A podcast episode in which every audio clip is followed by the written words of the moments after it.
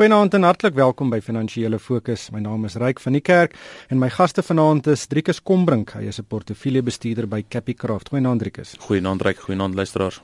En Hein Creer, hy's 'n beleggingskenner by Creer Internasionaal. Goeienaand Hein. Goeienaand, ryk goeienaand Driekus.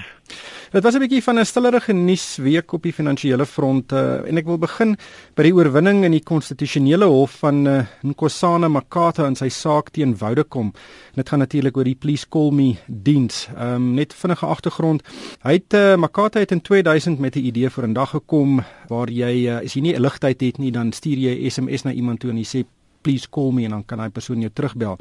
En een van die bestuurders by Vodacom het vir hom gesê hy kan deel in die winste as dit kommersieel suksesvol is.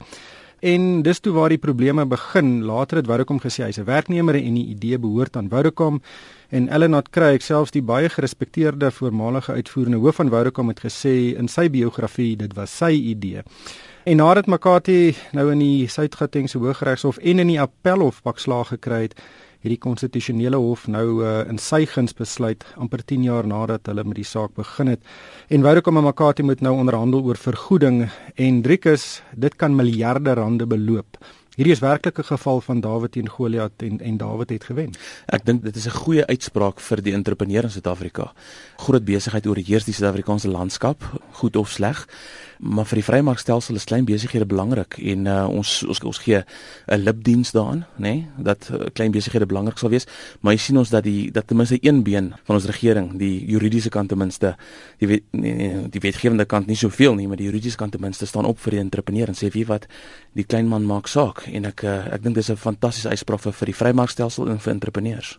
Hein wat vir my uh, ook belangrik is is dat Ellenot Craig dalk nie so eerbaar was as wat hy voorgegee het nie jy weet ryk die ding is ek sal nie dit so stel nie ek dink dit is meer 'n gebruik wat ontstaan het onder groot uh, korporatiewe instellings nie net in Suid-Afrika maar nie maar in die wêreld om letterlik bo oor die klein man en die klein entrepreneur te loop en hulle dink hulle het reg om dit te doen. En dit is bitter belangrik hierdie tipe van uitspraak. Ek, ek wil hom amper uh, op uh, uh, in dieselfde basis plaas as die uitspraak uh, in die afgelope maand deur die konstitusionele uh, hof oor in Kandla dit is ontsaglik belangrik want dit vestig die reg van die entrepreneur teenoor die korporatiewe instellings. En en ek dit laat my so terugdink aan die boek wat hier in die jare 80 geskryf was Barbarians at the Gate waar korporatiewe instellings oor die klein man en oor uh, oor aan klein aandeelhouers hardloop en hier en hier is daar nou 'n slag geslaan waarop 'n mens kan terugval. Ja, ek dink is uh, eintlik ongelooflik as jy weet verloor in die Hooggeregshof en in die Appelhof om dan nog steeds deur te druk. Maar dit op die einde vir hom baie goed uitgewerk en uh, hooplik en hy en waar ook om 'n goeie ooreenkoms um, bereik. Driekus, ek kan nie dink dat ek al ooit 'n opening van 'n winkelsentrum genoem het in hierdie program nie, maar ons het hierdie week die opening van die Mall of Africa gesien en nou dis 'n tech, 'n baie bekende weet eiendomsgroep se vlaggenskap projek in in Midrand. En op die eerste dag het daar meer as 100 000 mense daar opgedaag. Nou dis meer as wat daar vir 'n Springbok toets by die uh, eh, FNB stadium in uh, in Soweto kan inpas. Uh, hoekom sal so baie mense by so 'n winkelsentrum opdaag? Dis 'n baie goeie vraag. Ons het ons 'n verskriklike bestedings of verbruikskultuur in Suid-Afrika geskep die laaste 20 jaar. Uh soveel so dat sedert 2006 of die, dat die volume groei in ons vervaardigingssektor stil gestaan het eintlik sedert 2006 of dit anders stel Eh, in 10 jaar is daar geen beweging in volume terme in ons vervaardigingssektor nie maar ons verbruikssektor of verbruiksbesteding of meer pertinent klein die kleinhandelssektor is amper 50% groter as wat dit was in 2006. Nou dit is 'n gaping daai wat oopmaak wat nie vir altyd kan bly toeneem nie. Iewers iewers moet moet daai gaping begin toemaak of vervaardiging moet begin optel wat ons definitief sien nie of verbruiksbesteding aan die ander kant moet begin seer kry. Nou natuurlik die bankserv uh, indeks wat wat verdry op die besteedbare inkomste van verbruikers dui dat hierdie gaping wel kan begin toemaak dat uh, besteedbare inkomste net 'n fraksie net 'n het 'n haarbreedte bokant inflasie op hierdie stadium is en dat ons wel in die tweede helfte van die jaar selfs al hierdie kwartaal waarskynlik dat ons in 'n situasie is waar waar die verbruiker in reële terme eintlik sy besteedbare inkomste begin krimp. So ek weet nie of hierdie die hoe ek sê die die die die laaste doodstrekke van hierdie verbruikskultuur is ten minste in hierdie siklus nie. Ou sien seker goeters in geskiedenis die Empire State Building in New York het opgegaan in 1931 saam met die aanvangs van die depressie, jy weet. Maar ek weet nie of hierdie die laaste ek wou ek sê groot doodstrek is van van vir verbruikskultuur eintlik wat dit dood moet sterf nie. Hein, uh, ek weet jy daar naby verbygery uh, donderdag toe hy nou oopgemaak het, het jy dalk uh, jou kop daar ingesteek? Nee, verseker nie, ek is nie 'n molrat nie en ek ek gaan gewoonlik in die ander ander rigting as my vrou en dogters ja. daardie rigting gaan uh, van van mols. Ek kan nie anderster as om saam te stem met Driekus nie. Ek het so die gevoel gekry toe ek daar verbyry is hierdie is is waarskynlik die tipping point wat ons waarskynlik bereik het. Hoeveel van daardie mense wat so intoe gaan, het werklik waar hulle eie geld wat hulle kan bekostig om te spandeer daar? En ek het net gewonder, is hierdie nie nou die borrel wat geprik gaan word. Hmm. Maar Driekus, ehm um, kom ons kyk nou 'n bietjie na die sakekant. Ek hou baie van 'n tech. Ek dink uh dis Johan van der Walt wat uh ek dink baie baie interessante dinge doen. Almal het gekyk na hierdie uh, winkelsentrum. Ek gedink jene dis te groot. Suid-Afrika het reeds te veel winkelsentrums en tog lyk dit uh as mens nou kyk na die eerste paar dae of dit 'n reuse sukses is. Ek dink so, ek dink die winkelsentrums waaronder gaan lei is die tweede rangse en derde rangse winkelsentrums. Jy weet die verbruiksbesteding hmm. skuif gewoonlik na hierdie top tier ehm um, winkelsentrums toe en dan die die die tweede rangs en derde rangs is lei daaronder. Maar as geheel die eiendomssektor in Suid-Afrika is geweldig oorwaardeer jy weet die ehm um, sogenaamde eiendomstrust op ons beurs se se opbrengs is omtrent hier so wel kry van hulle wat van 6% tot 8% is. Almal van hulle verhandel onder die staatseffekkoers. Waar koerse in Europa byvoorbeeld is jy in eiendomstrust daar gaan belê, dan kry jy tussen 3 en 4%, partykeer meer as 4%. So dit beteken 3 en 4% bo hulle staatseffekkoerse. So in terme van daai ehm um, van daai uh, uh net daai en, enkele fundamentele faktor is ons eiendomssektor geweldig oorwaardeer. Sit daarbey dat ons nou gepraat het oor verbruiksbesteding wat wat die wind definitief van voor kry, dalk struktureel van voor kry. Is nie dalk nie 'n siklus se afswaai hierdie nie. Dan kyk jy na en en dalk 'n oorskot, 'n surplus van van hierdie eiendomme, dan lyk die Suid-Afrikaanse vir al die genoteerde eiendomssektor of dit regtig die winstruktureel van voor gaan kry na 'n fantastiese dekade of twee. Hmm. Hein, uh, een van die redes hoekom die eiendomssektor, die genoteerde eiendomssektor so goed vaar, um, is regulasie 28. Dis natuurlik 'n uh, regulasie wat uh, beperk in in watter bateklasse jy kan belê. Um, maar tog ek is taamlik positief oor die eiendomssektor. Dit is uh, voorspelbaar en, en in die huidige tyd van wisselvalligheid uh, is daar baie min sektore wat voorspelbaar is. Die groot ding met ons eiendomssektor is is dat die vraag kunsmatig soos jy onder meer sê die regulasie help die kunsmatigheid word die vraag ehm um, baie groter as die aanbod wat op die beurs is. So die die genoteerde eiendomssektor as sulks in terme van die aandele dink ek is daar net 'n groter vraag geskep as wat daar ooit 'n aanbod uh, beskikbaar kan maak.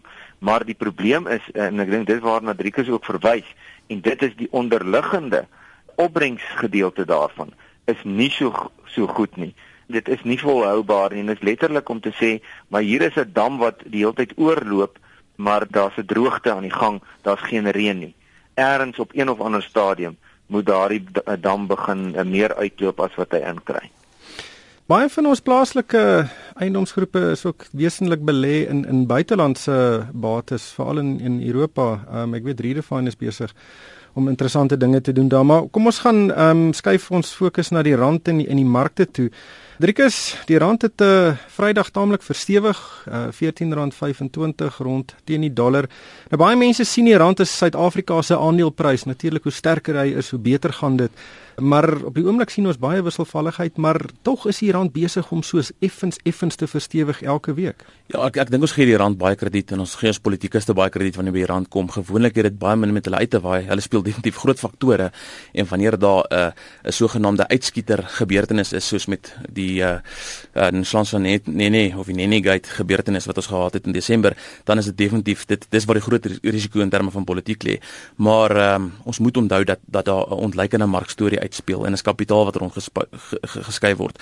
Hierdie week se storie byvoorbeeld is dat die Japaneese of die sentrale bank in Japan uh besluit het om nie verder monetêre hulp te gee nie. Hulle hulle hou net aan met die huidige pakket wat hulle het. Die Nikkei het al 7% sedertdien geval. Ek dink hy's 3% afgewees. En ehm um, die mark is al verslaaf geraak aan hierdie tipe van sentrale bank hulp gewees. Maar wat nou gebeur is dit het tot 'n versterking in die yen gelei en die dollar yen drahandel is 'n bietjie besig om te ontlok. Jy kry swakker dollar as gevolg en swakker dollar is weer besig om 'n 'n ontleikende markdrahandel Antits. As jy nou praat van drahandel beteken dit daar's baie goedkoop geld beskikbaar in Japan en dan vat uh, beleggers daai geld en druk dit dan in ontleikende markte in om dit hulle hoër opbrengs daar kry. Uh, wel eerstens uh, terug dollars toe en dan ek dink die FSA beleggers druk dit dan weer in, in ontleikende markte in met 'n dollar wat wat wat swakker word. En hierdie gebeur op 'n daaglikse basis en is miljarde dollars wat wat elke dag vloei. Maar op die groter prentjie van dinge is is weer eens 'n onvolhoubare ding wat opbou soortgelyk aan wat voor 2007 2008 gebeur het met goedkoop skuld wat die wêreld vol was. Nou is dit soveel groter. Daar's goedkoop skuld wat die hele wêreld rond lê en ons sien hierdie tipe van dinge gebeur en ons kan nie elke dag sin daar uitmaak nie, maar dit is 'n onvolhoubare situasie. Hein, ek uh, weet eh, Driekus is nou baie negatief, maar as die mark styg gaan dit mos goed. Ja, kom ek sê vir jou so hierdie hierdie ding laat my dink aan die storie van die muis en die olifant wat oor die brug gestap het en toe sê die muis vir die olifant: "Jo, maar ons laat nou hierdie brug bewe." Want jy weet die ding is die beweging van van jou eerste eerste wêreld uh wisselkoerse veroorsaak dat die rand relatief tot hulle op en af beweeg. So as daardie wisselkoerse daal, dan beteken dit dat die rand styg en dan het dit absoluut niks te doen met die uh, rand nie. En politisie se rol is is uh, is negatief, maar nooit bykans nooit positief ten opsigte van 'n wisselkoers nie. Ons het ook nuus hein uit Amerika gesien dat hulle ekonomiese groeikoers bietjie laer was as wat mense verwag het, net 0,5% in die eerste kwartaal van die jaar. En dit is nadat daai ekonomie, dis natuurlik die grootste ekonomie in die wêreld, uh, met amper 1.5% gestyg het uh, in die laaste kwartaal van verlede jaar. Uh, is jy bekommerd oor wat jy nou in die Amerikaanse ekonomie sien? Nee, want ek ek die ding met die Amerikaanse ekonomie is ons moet onthou dat die lokomotief wat die wêreld se se waans trek en daar's 'n kwessie van die lokomotief is al uit die tonnel uit na 'n geruime tyd maar die res van die waans is nog binne in die tonnel en dan kry jy daai uh, stop start tipe van effek waar die as die uh, die waans agter begin vashak dan dan hou dit 'n bietjie die uh, die lokomotief weer terug. Amerika het nou al 'n redelike sterk groeikant getoon terwyl die res van die wêreld Europa en al die ouens het maar uh, gaan nog steeds baie gebuk onder uh, onder hulle eie probleme en dan het dit ook weer 'n effek op die Amerikaanse ekonomie maar die Amerikaanse ekonomie jy weet kan 'n uh, ekonomie kan nie net bly groei nie. Uh, selfs in 'n groei stadium het hy maar sy sy uh, mini siklusies waardeur hy gaan. Nou ek hou van die ek hou van die analogie wat jy gebruik daarso want uh, ons moet sê dat die Amerikaanse ekonomie hierdie trein is nog steeds op dieselfde koers. Hy is nog steeds hmm. besig om vorentoe te beweeg. En vir die wêreld moet ons eintlik bly wees dat hy op die oomblik 'n bietjie momentum verloor het. Ons 'n momentum storie op die oomblik en hy mag dalk ja. weer momentum optel. En wanneer hy momentum optel moet hy brieke aanslaan. En daai brieke is hoë rentekoerse. En uh, en daai brieke wat skree gaan die hele wêreld hoor. Dis presies dit wat jy sê, hy is besig om uit die tonnel uit uit te, uh, te te draai, maar as van die waans vashaak eers, dan gaan dit hom 'n bietjie terughou of soms dan moet die dan moet die lokomotief uh, moet 'n bietjie stadiger gaan want daar is 'n bietjie van 'n opdraandjie maar maar hy beweeg definitief uit die tonnel uit dit gaan net baie stadiger as wat meeste mense hoop. Ek dink ons kan die uh, beleidsmakers in Amerika ook krediet gee met hierdie hele proses hoe hulle gekeer het dat die hierdie ekonomie verder uh, in 'n resessie verval en regtig nou bietjie mooi momentum optel.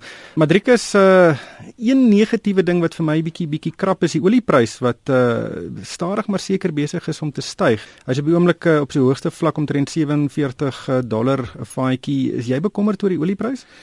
Uh ryk ja en nee. Aan die een kant die oliepryse sê die vermoë om vinniger te styg styg as wat die rand kan versterk. So ons moet nie te veel praat oor 'n lae olieprys of of 'n sterker rand wanneer dit kom by 'n uh, by ons verwagtinge vir inflasie en die die smeer hy plaaslik nie. Maar die Midde-Oosterse wêreld staan baie begrotings probleme in die gesig en uh die Midde-Oosterse wêreld of die Moslem wêreld is baie verdeeld of die OPEC blok is baie verdeeld op die oomblik en elkeen veg vir sy eie kamp. En dit beteken dat ons waarskynlik nie die dieselfde reaksie wat ons in 70s byvoorbeeld gesien het of selfs in 90s gesien het van OPEC nie. Uh, daar gaan nie produksie terugsnye wees nie en uh, produksie gaan redelik hoog bly. En uh, dit beteken dat ons dalk met 'n met 'n taamlike laer olieprys vir baie langer gaan sit. Nie die 30 dollar wat ons gesien het nie, maar ook definitief nie 60 dollar plus nie. Ein ek het uh, toevallig laat is laat laat jy dit nou dit noem Driekus. Um, ek het 'n grafiek gesien in die Wall Street Journal hierdie week waar hulle die verskillende voorspellings van weet die konsultante en en en ander eh, weet rolspelers nou gewys het op 'n grafiek en dit van hulle voorspel dat die oliepryse aan die einde van die jaar 30 35 dollar gaan wees en daar's ander wat dit uh, voorspel dat dit omtrent 65 dollar gaan wees en dan heng se klompe verskeie ander uh, voorspellings tussenin en dit ek het die indruk gekry daar's nie eintlik sekerheid oor waar een die oliepryse gaan nie. Wel, uh, ryk, daar was nog nooit eintlik regtig sekerheid oor die oliepryse nie. En ek dink wat uh, die enigste konsekwentheid uit meeste van hierdie voorspellings is, is dat die ouens konsekwent verkeerd is. Ehm um, jy weet en dat daar in in in in die in die in die diversiteit tussen die voorspellings is van die, uh, uiters uh, negatief tot uiters positief en ergens is iemand op 'n stadium reg. En en soos uh, soos my oud kollega David Meet eendag gesê het en dan is hulle nog en dan is hulle reg vir heeltemal die verkeerde redes. Jy weet wat vir my baie interessant is is die feit dat Saudi-Arabië en 'n hele paar van hierdie Midde-Oosterse lande is ernstig besig om hulle ekonomie te begin diversifiseer dat dit nie net 100% op olie gebaseer word nie en dit sê vir my uh, uh, uh, eintlik dat uh, dit wys vir hulle dat hulle is ook onseker en hulle wil nie hulle ekonomie so blootstel aan hierdie tipe van volatiliteit nie want hulle besef dat hulle beheer verloor het. Ongelukkig hierdie tyd ons ingehaal. Baie dankie Hendrikus Kombrink van Capicraft en Hein Creer van Creer Internasionaal. En vir my ryk van die kerk, dankie vir die saamluister en ek hoop almal 'n winsgewende week.